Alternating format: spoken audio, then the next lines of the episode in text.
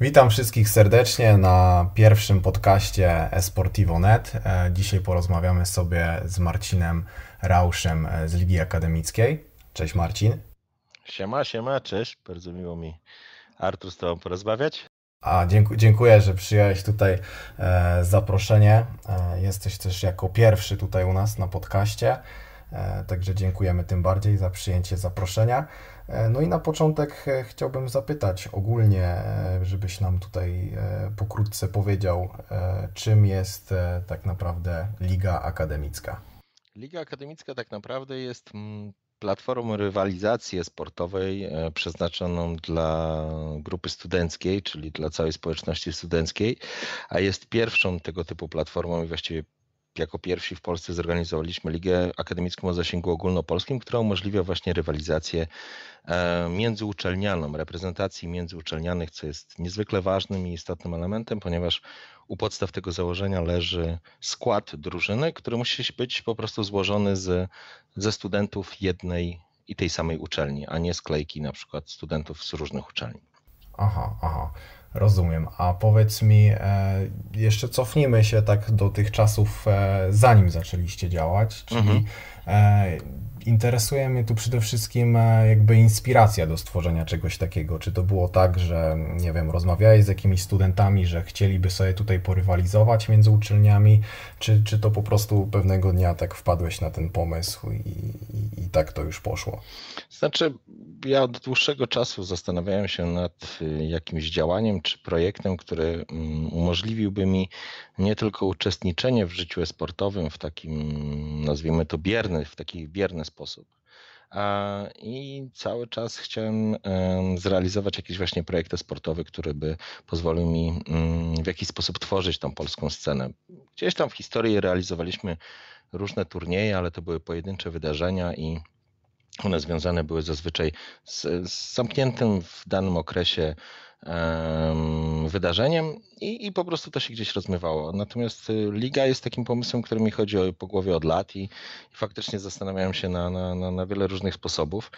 A, no, ponieważ w ubiegłym roku w marcu wystartowała pierwsza liga zawodowa w Polsce, PLE, to już jakby tworzenie dodatkowej ligi, kolejnej ligi byłoby no, no tak. z góry założone postawiłbym się w sytuacji stricte konkurencyjnej, w której musiałbym nie tylko mm, realizować swój projekt, ale również starać się przebijać i jakby na takiej młodej scenie to raczej myślę, że więcej by szkody z tego było niż pożytku. Mhm. E, więc e, szukałem jakby innej, innej grupy celowej. Ja myślę, że studenci i w ogóle uczelnie w Polsce wielokrotnie byli na, na, na tapetach i na językach, natomiast a chyba do tej pory jeszcze nikt nie wpadł, może nie to, że nie wpadł, że to jest taki genialny pomysł, ale po prostu nikt nie zrealizował to w ten sposób, żeby udało się to połączyć. Nam się to udało i jakby dotarliśmy do, do właśnie do studentów, do samorządów, do uczelni. Dzięki temu udało nam się nawiązać relacje i jakby budować pierwsze takie ośrodki, czy nawiązywać kontakty z takimi pierwszymi światłymi, nazwijmy to, ośrodkami uczelnianymi mhm. w Polsce, które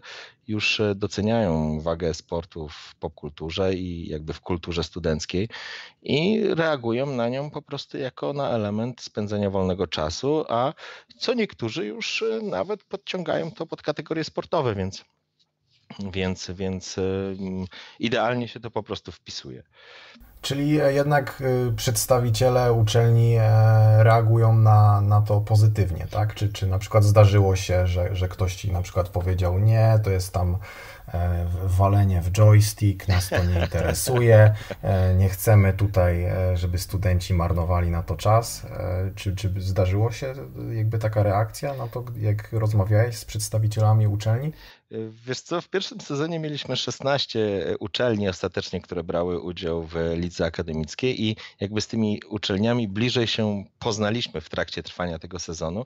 I muszę przyznać, że faktycznie był, była jedna taka uczelnia, spośród tych 16, ale to, z tej 16, ale to jedyna faktycznie uczelnia, w której trafiliśmy na taki komentarz, że nie, my absolutnie nie chcemy, nie będziemy się angażować, bo, bo, bo my raczej robimy wszystko, żeby nasi studenci odeszli od, e, odeszli od komputerów, a nie przy nich siedzieli. Ale myślę, że e, jeszcze będziemy współpracować z tą uczelnią, a może to był po prostu mhm. zły, zły moment. Zmienią zdanie może, nie? Oby, oby zmienili, ale faktycznie ku mojemu wielkiemu takiemu pozytywnemu zaskoczeniu, to to była jedyna uczelnia. W każdej innej uczelni, z którą rozmawialiśmy, było bardzo duże otwarcie na, na, na, ten projekt i to, na czym nam bardzo zależało, to i cały czas oczywiście zależy, to fakt, żeby uczelnia faktycznie wyraziła, e, uznała może w ten sposób jako oficjalną reprezentację e, drużynę studentów, która faktycznie startuje e,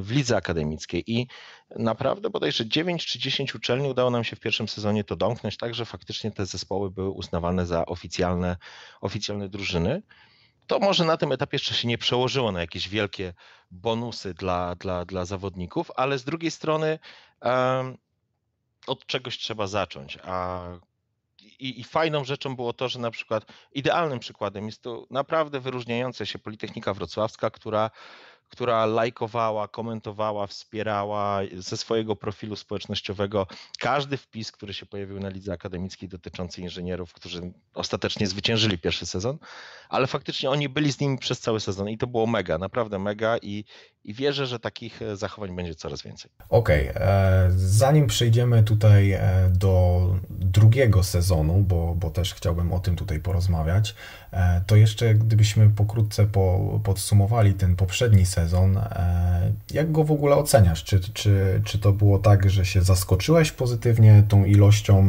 drużyn, które udało się skompletować, czy to było jakby wszystko tak jak sądziłeś, tak wszystko wyszło? E, jakbyś to określił tutaj? Sezon pierwszy tak naprawdę dla mnie był takim przedsezonem, pre-sezonem można byłoby powiedzieć. No i wiązał się z olbrzymią, z olbrzymią ilością stresu, ponieważ e, no, startowaliśmy coś zupełnie, zupełnie, zupełnie taki pionierski projekt, można powiedzieć. Ucząc się też troszeczkę w boju i zdobywając doświadczenie, bo jakby nie wszystko można było przewidzieć, nie wszystko można było zaplanować zakładaliśmy, zakładaliśmy, że tych drużyn chcemy mieć 16 i, i, i to jest takie minimum, na które stawialiśmy. I faktycznie na początku był, trochę była stresująca ta sytuacja, bo, bo musieliśmy sobie właśnie zbudować e, sposób komunikacji ze studentami, z uczelniami, z samorządami, ale e, mówiąc zupełnie szczerze, po pierwszym sezonie pokazaliśmy, że można zrealizować w Polsce duże ogólnopolskie działanie esportowe, nie mając za sobą zasobów i wsparcia ogromnych organizacji. I, I to tylko pokazuje, że rynek jest naprawdę fantastycznym miejscem, w którym może się odnaleźć każdy, który ma. Bez sztabu ludzi nawet. Tak, tak, ma pomysł, ma pomysł, wie jak chce go zrealizować i ma bardzo dużo samozaparcia. Nie gloryfikuje absolutnie swojej tutaj roli, ale, ale y, to jest naprawdę fajna rzecz, że udało się to zrealizować, udało się, e, udało się przeprowadzić e, tą, ten cały pierwszy sezon, który rozgrywki trwały realnie 6 tygodni e, i a udało się, udało się to bez większych problemów. To znaczy, problemy były jak zawsze, ale ale nie mamy żadnego negatywnego odzewu, nie ma żadnej sytuacji, że ktoś nie dostał nagród, że ktoś coś było nieuczciwe, że, że, że organizacyjnie była klapa. E, co więcej, mamy bardzo dużo właśnie pozytywnych było informacji po pierwszym sezonie, że sami zawodnicy powtarzali, że byli totalnie zaskoczeni sposobem i poziomem obsługi, e, funkcjonowaniem strony, tego co można było na niej znaleźć i tak dalej. To dla nas naprawdę było bardzo duże wyróżnienie i mogę powiedzieć zdecydowanie, że ten sezon pierwszy był bardzo trudny, ale myślę, że każde działanie jest w jakiejś perspektywie trudne. Natomiast to, to faktycznie e, jestem mega z niego zadowolony, bo się udało to, bo, bo jest to wstęp do, do dalszego rozwoju. Tak, trochę taki e, sezon zerowy, tak, nauczyliście się komunikować, sprawdziliście różne jakieś tutaj e, metody i teraz e, będzie tylko lepiej. Tak? No, taki jest plan. E, a jakbyś e, ocenił ten pierwszy sezon e, pod względem, nazwijmy to, sportowym, tak? Czyli czy, czy, czy poziom prezentowany przez drużyny był Twoim zdaniem wysoki? Spodziewałeś się tego? Czy, czy tutaj było jakieś zaskoczenie, że same prosy się zgłosiły? Jak, jakbyś może tutaj podsumował poziom? No i to jest bardzo fajna historia, bo Liga Akademicka z założenia jest ligą amatorską i ona zawsze nią będzie. I to trzeba jakby na samym początku mm, jasno i wyraźnie zakomunikować, e, że w ramach Ligi Akademickiej są zbudowana jest na dwóch fundamentach. Pierwszy to jest właśnie ta rywalizacja międzyuczelniana, o których mówiłem na początku, a druga, że jest to liga amatorska, w związku z czym tu mamy się bawić. Oczywiście bawmy się na profesjonalnym poziomie, bo chcemy, żeby ta obsługa i wszystko wyglądało mega profesjonalnie, ale to jest amatorska liga, dlatego mm, jakieś zarzuty, z którymi się gdzieś tam spotykałem, one oczywiście nie były jakieś specjalnie drastyczne, ale się pojawiały takie opinie, że a co tam będzie oglądać, skoro będzie no po tak. prostu clown fiesta albo brązy będą się lać, to tak. ja wolę sobie solo queue grać, nie? Mhm. Ale właśnie to leży u podstaw ligi. To jest liga dla normalnych ludzi. Oczywiście nie, nie uznaję graczy profesjonalnych za nienormalnych, ale to są po prostu profesjonalni no tak. gracze. I tak trzeba na ich traktować. To jest ich zawód. A tu mówimy o studenciakach, którzy i tak grają. Niektórzy z nich faktycznie grają na fantastycznym poziomie i o tym za chwileczkę powiem. Natomiast co do zasady, e, to jest amatorska liga, w związku z tym e, tu może się wydarzyć wszystko. Staramy się oczywiście doprowadzić do tego, żeby zakwalifikowały się już w sezonie drugim, już wprowadzone są takie zasady, które spowodują, że ten poziom z automatu będzie wyższy, bo w ramach sezonu pierwszego, jeszcze wracając na chwileczkę do tych początków, no to też miałem wątpliwości na zasadzie, ile zespołów się zgłosi, kto się zgłosi, więc tak naprawdę... No tak, nie chciałeś tego ograniczać tak bardzo. Dokładnie, nie? więc wtedy uznałem, że po prostu dajemy okres, e, wskazany okres, do którego są e, zapisy i słownie kto pierwszy, ten lepszy. Jeżeli są zespoły, jest kilka zespołów z tej samej uczelni, to one grają ze sobą kwalifikacje w ramach takiego wewnętrznego, między, e, przepraszam, wewnątrz uczelni kwalifikacji tak. to, które, który team będzie reprezentował uczelnię w lidze. Przez to były uczelnie na przykład jak e, Politechnika Łódzka czy Uniwerek Łódzki, które zgłosiły na przykład po pięć drużyn i grały ze sobą kwalifikacje mm, między pięcioma teamami, ale była na przykład Politechnika Rzeszowska, która sama tylko się zgłosiła, tak? Czy Ułam się e, z Poznania Koziołki też było jedynym, czy Bachusiki z Zielonej Góry i tak kilka takich teamów. W związku z czym ten poziom był bardzo zróżnicowany jakby wyższy poziom rozgrywek mogliśmy oglądać na poziomie e, już w fazie playoffów po grupówce, no i później ten poziom jakby był coraz wyższy. Natomiast już w ramach sezonu drugiego, wiedząc o tym, że już liga jest w zupełnie innym miejscu niż w listopadzie ubiegłego roku e, i nie powinniśmy, nie zakładam przynajmniej, że będziemy mieć jakiekolwiek problemy z pozyskaniem odpowiedniej liczby zawodników, to teraz przed nami będą kwalifikacje dwuetapowe. Pierwszy etap kwalifikacji to między wewnątrz uczelniane, gdzie zespoły po prostu będą wytypują swojego reprezentanta z danej uczelni, czy reprezentację, a następnie później będziemy mieć e, walkę pomiędzy wszystkimi zgłoszonymi już teamami na drugim poziomie o 16 slotów w ramach Overwatch i o 13 mhm. slotów w ramach League of Legends, bo pierwsze trzy sloty są zajęte już dla zwycięzców, zarezerwowane dla zwycięzców e, sezonu pierwszego, ale to uwaga, też nie dla teamów, tylko dla uczelni.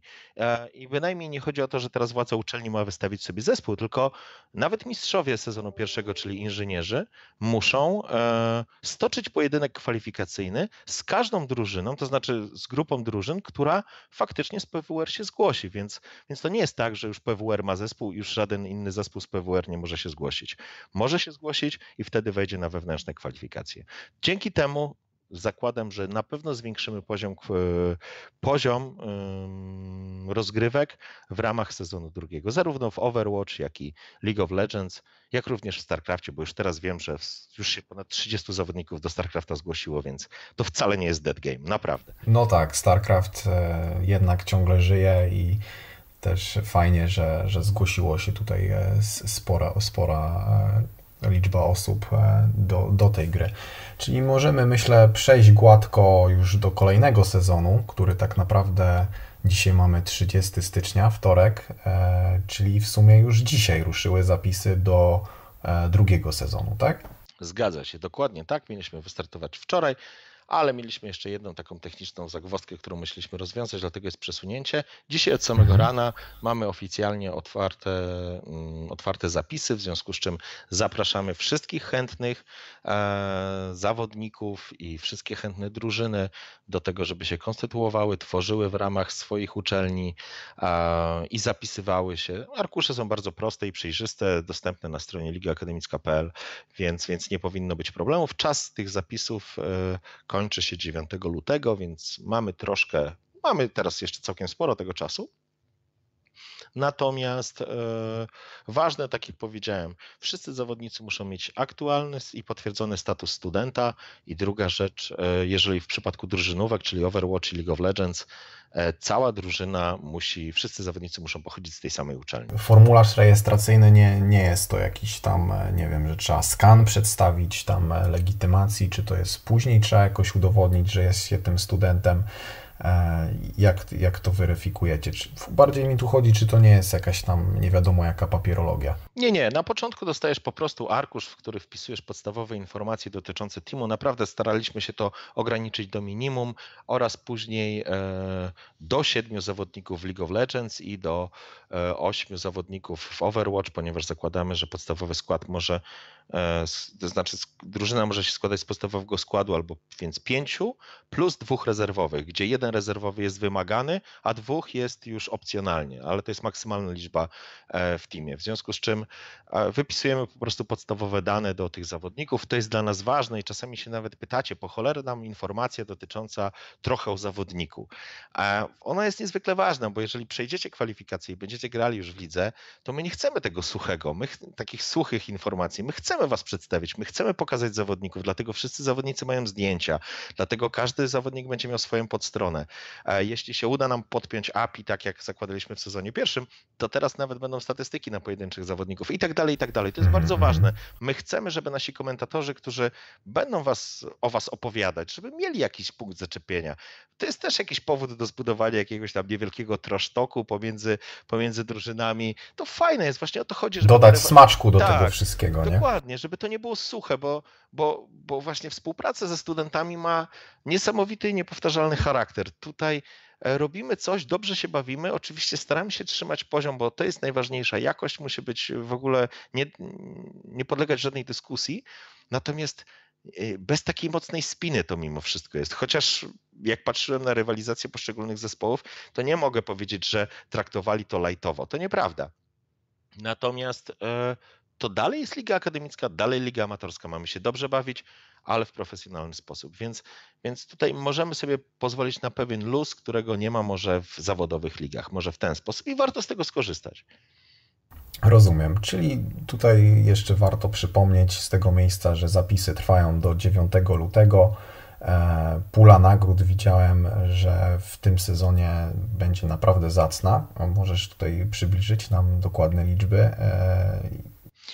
Jasne, więc e, faktycznie no, to jest też olbrzymi krok w stosunku do tego, co mieliśmy w sezonie pierwszym.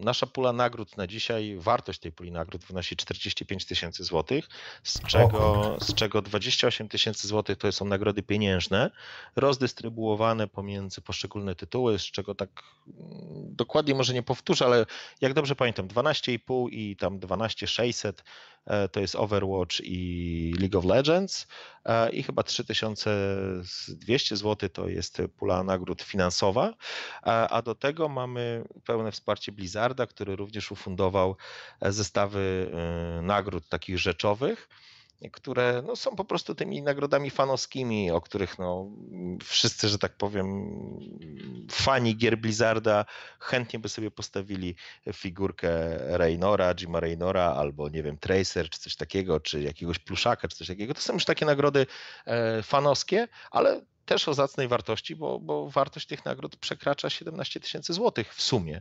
W związku z tym e, jest o co walczyć. Jest o co walczyć i no, liczę, że to nie jest nasze ostatnie słowo, bo sezon się zaczyna 1 marca, a wiele jeszcze rozmów trwa, więc e, e, bardzo bym chciał powiedzieć e, i życzyć sobie i, i wszystkim uczestnikom, że, że, że, żeby to nie było ostatnie, ostatnie zdanie w tym temacie. No super, tak w takim razie trzymamy kciuki. Tutaj jeszcze takie pytanko na temat kasterów. E, czy możesz nam zdradzić, e, kogo możemy usłyszeć w kolejnym, e, drugim sezonie Ligi Akademickiej za mikrofonem? Tak, mi bardzo zależy, to znaczy Liga Akademicka jest takim trochę to znaczy jest niestandardowym tworem i to jest jakby dla mnie niezwykle ważna rzecz. Podchodzimy zupełnie inaczej do tego wszystkiego i nawet ktoś tam powiedział, że ta Liga Akademicka to taka rodzinna atmosfera w, tych, w przypadku tych kasterów. I trochę tak jest, dlatego bardzo mi zależy na tym i myślę, że uda nam się ostatecznie domknąć, żeby przedłużyć na sezon drugi obecność Cruzera w League of Legends, który będzie współpracował dalej z Mańkiem i w tym duecie będą kastować e, wszystkie mecze w kategorii League of Legends, plus ewentualnie pojawią się jacyś goście na streamach, tak jak to miało miejsce w sezonie pierwszym.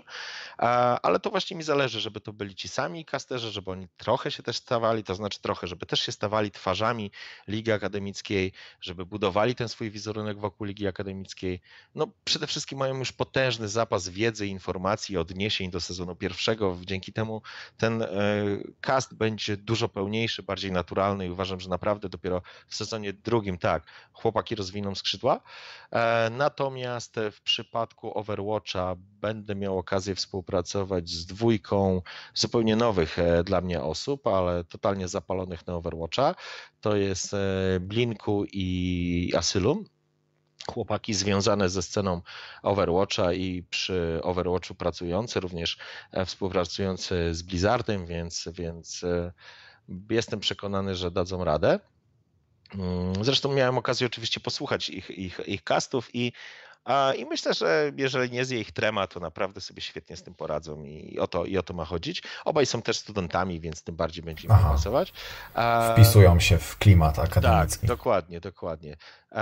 I w przypadku StarCrafta naszym komentatorem będzie e, Emil, czyli M StarCraft, czy M Craft, ja zawsze zapominam jego niku, ale człowiek tak naprawdę, który jednoznacznie wiąże się, przynajmniej nie tylko w moich oczach, ale generalnie właśnie ze sceną StarCrafta, jest mega oddanym facetem, który od lat walczy o to, żeby StarCraft był e, no, tym tytułem, którego jeszcze wszyscy nie postawili na nim krzyżyka i ku mojemu mega fantastycznemu zaskoczeniu właśnie ta liczba osób, które się zgłaszają do kategorii StarCraftowej, czyli no, tej indywidualnej, teoretycznie najprostszej do zgłoszenia, jest naprawdę zaskakująca i, i trzymam kciuki, bo ze StarCraftem jestem emocjonalnie związany od najmłodszych lat, w związku z czym chciałbym. Będziesz śledził tutaj bardziej. Zdecydowanie, zdecydowanie będę śledził e, rozgrywki. Natomiast tu mam jeszcze pytanko. E, czy macie jakieś e, plany odnośnie przeprowadzania rozgrywek offline? Tak, zdecydowanie. Moim marzeniem jest e, rozegranie offline, finałów offline.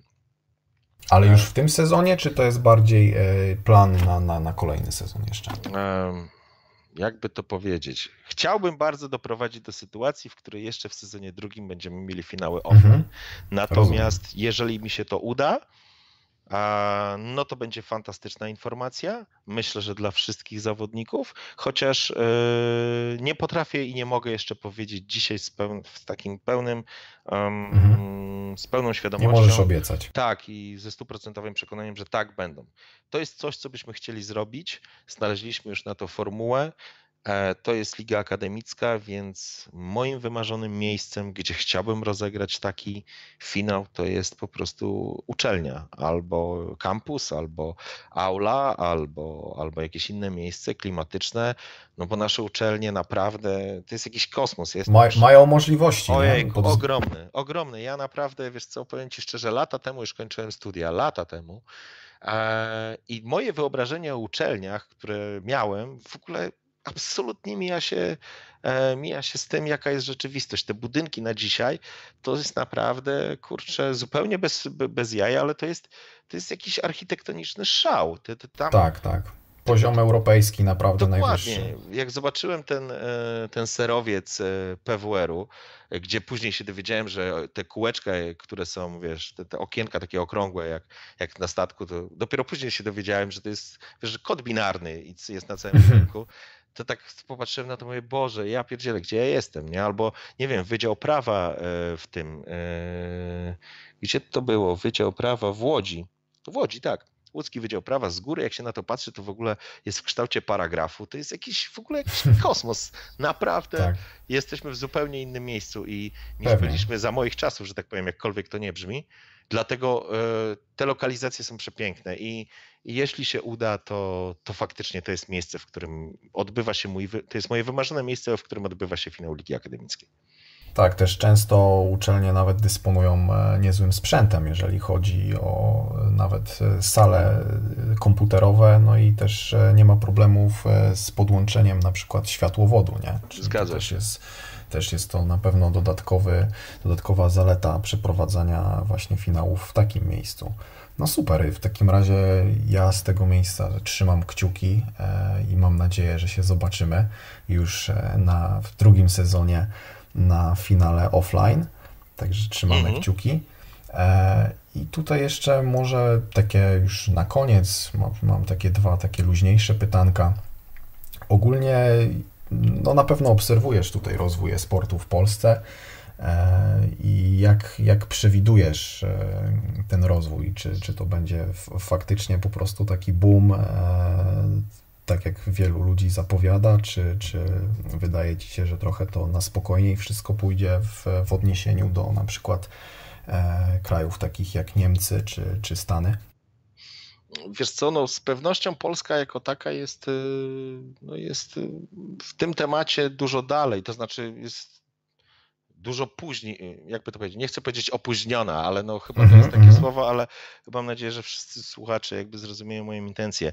E, my mamy dużo do zrobienia, o może w ten sposób y, warto byłoby powiedzieć i, i, i uważam, że z roku na rok staje się, e, dzieje się coraz więcej fajnych rzeczy związanych z e-sportem, które faktycznie pokazują, że ten e, e-sport w Polsce on rośnie i on będzie rósł, bo jest jakby taki, no taki jest trend światowy. Ludzie chcą oglądać ten esport. Tam takie dane, nie pamiętam czy dobrze przytaczam, mam nadzieję, że nikogo w błąd nie wprowadzę, ale tam 45% w ogóle osób oglądających esport wcale nie gra.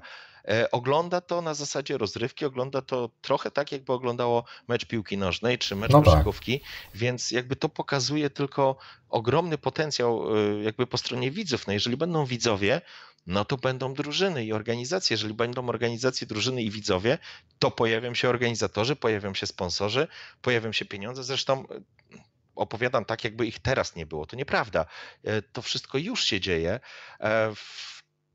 I z roku na rok jest coraz więcej właśnie przedstawicieli, zwłaszcza po stronie organizacji zawodowych, ale również i organizatorów, którzy, którzy idą krok dalej i, i widać, że wyprzedzają całą długość swoich konkurentów, ale dzięki temu oni tworzą, realnie wpływają na to, jak wygląda scena sportowa w Polsce. Więc, więc e, ja uważam, że to będzie się rozwijać, ale tak naprawdę tylko od nas samych zależy, jak bardzo dynamicznie, bo jeśli będzie garstka osób, która, która będzie dosyć hermetycznie to wszystko trzymać, to, to to nie pójdzie tak dynamicznie, ale otworzenie rynku, otworzenie rynku na.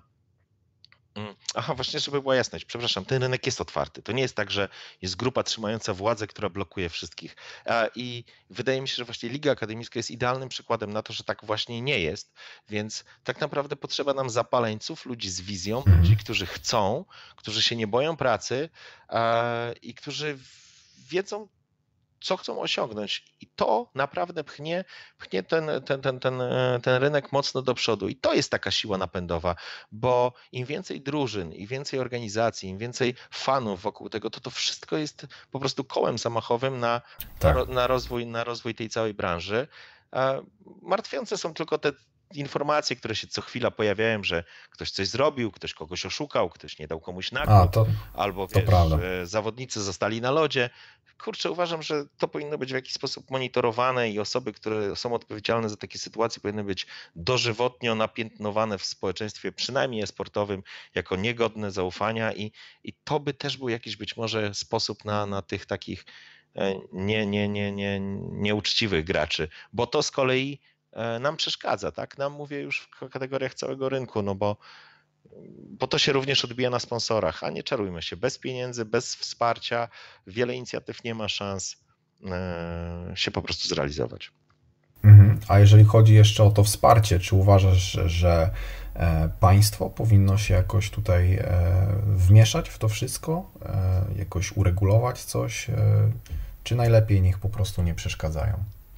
Wiesz co, to jest trochę tak, że z jednej strony e, państwo powinno w jakiś sposób funkcjonować w kategoriach esportowych albo rodzących się tych strukturach esportowych, ale nie w kategoriach regulacji, tego kontrolowania, bo wszystko, co jest kontrolowane, w mojej opinii, jakby no, rynek kontrolowany nie jest już rynkiem wolnym. To zabija, mhm. zabija inicjatywę, zabija przedsiębiorczość, więc e, absolutnie e, nie w kategoriach e, tego, że ktoś będzie kontrolował, bo to, bo, bo, bo to, bo to na dobre raczej nie wyjdzie. Natomiast w kategoriach jakiegoś występowania przy wydarzeniach esportowych, zresztą to już się dzieje na poziomie samorządów, to co robi ESL z, z Katowicami, to jest w ogóle fantastyczna sprawa i czy Wargaming, to co robił z Warszawą, z Urzędem Miasta Warszawy, no to, to są przykłady, że na poziomie samorządowym to funkcjonuje. Na poziomie e, jakby takim ogólnopolskim trudno mi teraz e, jakieś takie przykłady z, pokazać. Nie wiem, czy w ogóle były, ale to może wynika z mojego braku wiedzy, a nie z faktu, że ich nie było. Więc gdzieś wydaje mi się, że faktycznie ten sport powinien, e, Ministerstwo Sportu powinno w jakiś sposób wziąć pod uwagę funkcjonowanie e-sportu jako takiego, bo to, bo to się po prostu już dzieje i to jest na tyle duże, że nie można tego uznać, że jest to tylko zwykłe hobby.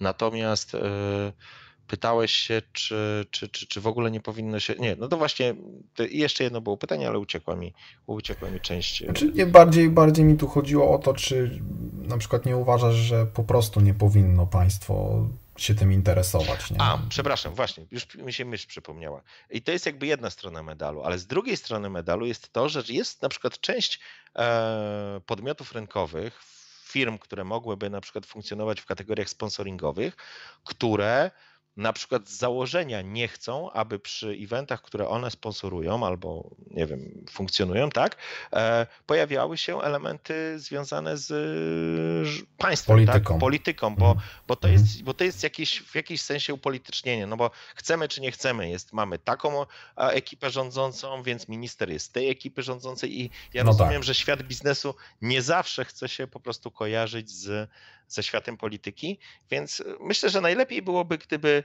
te dwa światy obok siebie funkcjonowały, gdzieś się przeplatały na jakichś takich, wiesz, e, poziomach i skrzyżowaniach, które mogłyby działać obopólnie w jedną i w drugą stronę, ale absolutnie nie w, kat w kategoriach kontroli czy, wiesz, pełnej weryfikacji i ustawy co, jak i gdzie i po co, nie?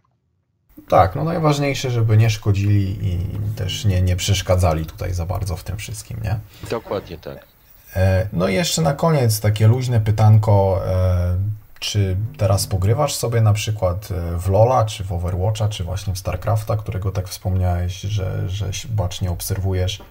A, więc tak, ja generalnie jestem zakochany przez ostatnie pół roku w Gwincie i jakby w Gwinta po prostu były momenty, że naprawdę mocno grałem. Natomiast e, kiedy już podjąłem decyzję, że będzie to StarCraft, wróciłem chwileczkę do StarCrafta, ale, ale, ale też nie mam czasu, żeby po prostu się we wszystko pobawić.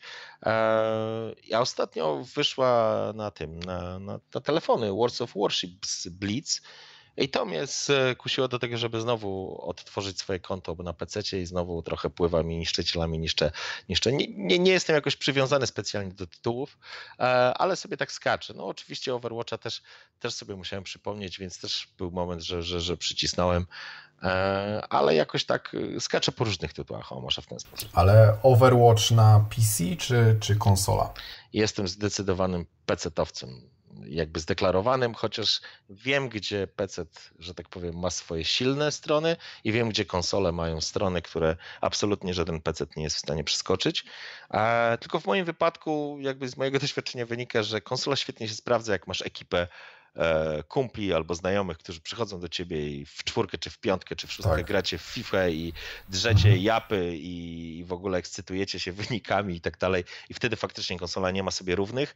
Natomiast jeżeli jesteś raczej solo graczem, to, to, to zdecydowanie lepiej mi się gra na PC. Okej. Okay. To myślę wszystko z mojej strony. E, dziękuję jeszcze raz e, za przyjęcie zaproszenia do naszego pierwszego podcastu Esportivo. Jeszcze raz przypominamy wszystkim o terminie do składania e, swoich zgłoszeń do 9 e, lutego.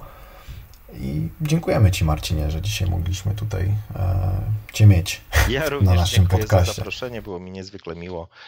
I oczywiście zapraszam do Ligi Akademickiej, do kibicowania również swoim teamom. I, i fajnie, fajnie, Artur, fajna inicjatywa liczę, że się rozwinie i jeszcze nie raz będziemy mogli pogadać.